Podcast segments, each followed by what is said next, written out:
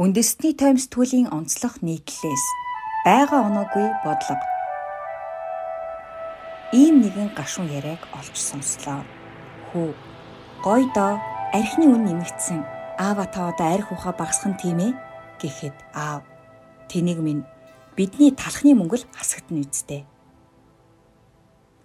Архиталтай тэмцэх архинаас үүдэлтэй хүчирхийллийг бууруулах тухай олон жил дээр дооргүй ярьсан.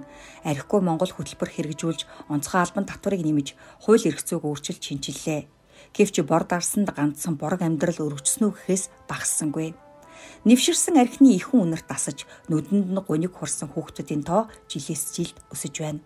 Архины хэрэглээ литр литрээр нэмэгдэж, согтуурагсад сонсоход чихнээс цус гарам хэрцгий гэмт хэрэг хүчирхийлэл үйлцээр байна. Энэ бол архиталтай тэмцэх үе үеийн төр засгийн тэмцэл байгаа оноогүй, үрдэнгүй, оновчгүй байсны илрэл яалтчгүй мөн. Архины хэрэглээ үүнээс үүдэлтэй гэмт хэргийн тоо баримтаас цухас дурдвал үндэсний статистикийн хорооноос хийсэн судалгаагаар нэг хүн доногдох арх дарсны хэмжээ 2015 онд 7.2 литр байсан бол 2019 онд 8.5 литр, шар аригных 2015 онд 25.3 литр байсан бол 2019 онд 28.8 литр болж нэмэгджээ. Ингэснээр Монгол улс арх согтууруулах ундааны хэрэглээгээр Азад дөрөвдүгээрт бичигдэж байна.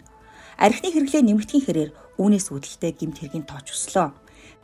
Цагдаагийн байгууллагын мэдээллээр улсын хэмжээнд 2020 оны эхний 8 сард гихтэл согтуугаар үйлдсэн гэмт хэрэг 2910 бүртгэгдсэн нь өмнөх оныхоос 14.5 хувиар өссөн үзүүлэлт гинэ. Энэ нь нийт гэмт хэргийн 16.2%-ийг эзлэж байгаа бөгөөд өмнөх оны мөн үеэс 5.2 нэгжээр өсжээ. Үүнээс гадна архины хурц болон архаг хордлогын улмаас 299 хүн нас барсан, гэр бүлийн хүчирхийллийн 53.3%-ыг согтуугаар үйлцсэнгээд халаглам тоо баримт олон байна. Сэтгцийн эрүүл мэндийн үндэсний төвөөс гаргасан судалгаанд манай улсад архинд донтох эмгэг 1984-өөс 1992 оныхоос 40 дахин нэмэгджээ архитан согтуурхтай тэмцэх тухай хуулийн хэрэгжилтийн үр дагаварт хийсэн үнэлгээний тайланд сурагч өсвөр үеийнхний 29.1% нь согтууруулахундаа хэрэгжилж үтсэн төдийгүй 12.9% нь согттол хэрэгжилж байсан. Тэдний эцэг эхчүүдийн 39.8% нь архи удаг гэсэн байна. Мөн оюутан залуусын 38.8% нь хэтрүүлэн хэрэгжилдэг, 70.6% нь бар диско клубын үйлчлүүлэгч гэжээ.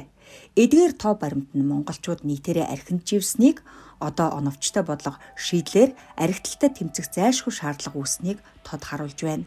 Харин төр засгийнхан архины хэрэглээг бууруулах архиталтай тэмцэх оновчтой бодлого шийдэл гаргаж чадах болов. Нэг жил архинаас 200-аас 300 төгрөг татна.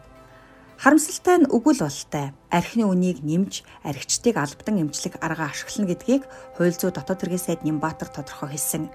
Архины ширхэг бүрийн борлуулалтаас хуримтлал үүсгэж засгийн газрын сан байгуулж архинд донтсон хүмүүсийг захиргааны аргаар албадан эмчлэхээс гадна сайн дурын эмчилгээний хүртээмжийг нэмэгдүүлэх хуулийн төслийг салбарын яамнаас боловсруулж байгаамаа. Үүнийг яагаад улиг болсон оновчгүй тэмцэл гэдгийг тайлбарлахын өмнө хуулийн төслийн зохицуултыг сонирхуулъя. Хууль зүйн дотоод хэргийн яамнаас боловсруулж байгаа хуулийн төслийн нэршил нь согтууруулах ундааны эргэлтэнд хяналт тавих, архитан согтуурахтай тэмцэх тухай хуулийн шинжилсэн найруулга.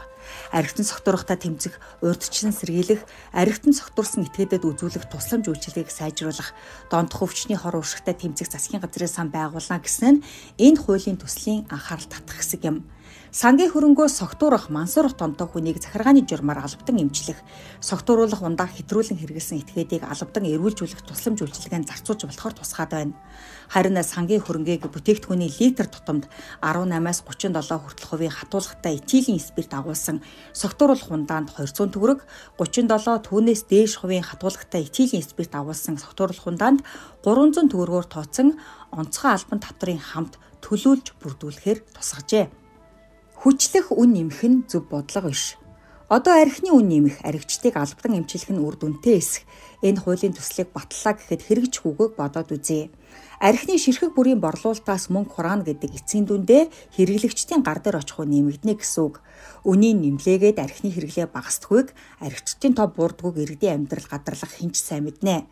Гэтэл өмнөх жишгээр архины үн нэмэх гарцыг л төрийн сайд нь санаачилж хуульчлах гэж байна. Мэддэг мэддгүйг би хэлж мэдэхгүй.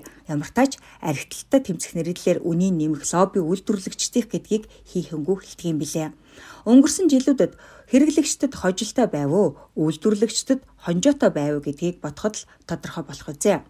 Өмнөх жишээ туршлагыг бодсон ч архины үн нэмээд архичдыг албадан эмчлээд үр дүнд хүрэхгүй гэдэг нь тодорхой байна. Өнгөрсөнд бид архины үнийг нэмсэн үү гэвэл нэмсэн. Архин донтсон хүмүүсийг албадан эмчилсэн үү гэвэл эмчилсэн. Эмчилэх нь ч зөв. Гэхдээ нийтээрээ архинаас татгалцсангүй. Архин донтогчдын тоо буурсангүй. Харин ч арх үнэтэй болох тусам хямд чанаргүй хэрэглээ нэмэгдэж хүмүүс амнаас эрүүл мэндээрээ хохирч байна. Тоо баримт дурдвал 2020 онд л гэхэд 299 хүн архины хордлогоор нас барсан харамсалтай мэдээ гарчээ.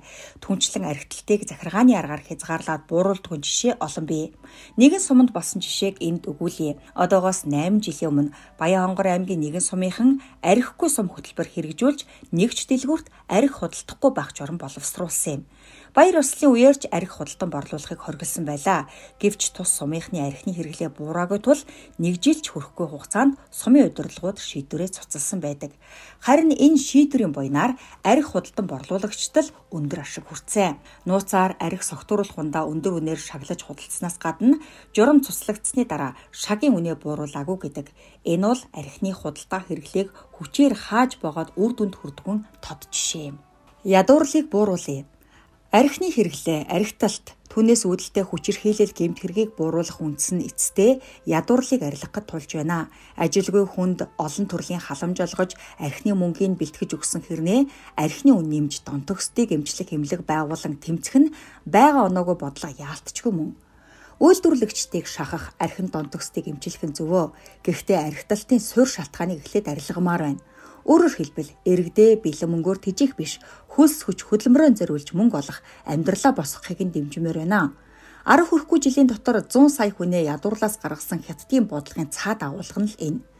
Хүн ямар баян ядуу төрөх, хувь тавилангаа оноож төрөх биш. Ядуу гэр бүл төрсөн бол яаж ч хүссэн баян тансаг амьдралтай нэгэнтэй дүүхэн амаргүй. Гэвч сэтгэж сэтгэхгүйгэн өөрчилж хичээж зүтгэж чадвал амьдралаа өөрчиж элбэг хангалуун амьдрч чадна.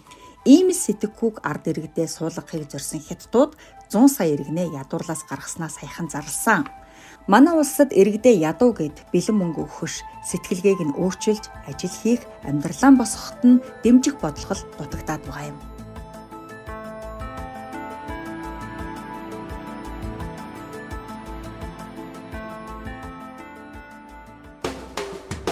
итгэж болох экссурулж Игэл радио 91.1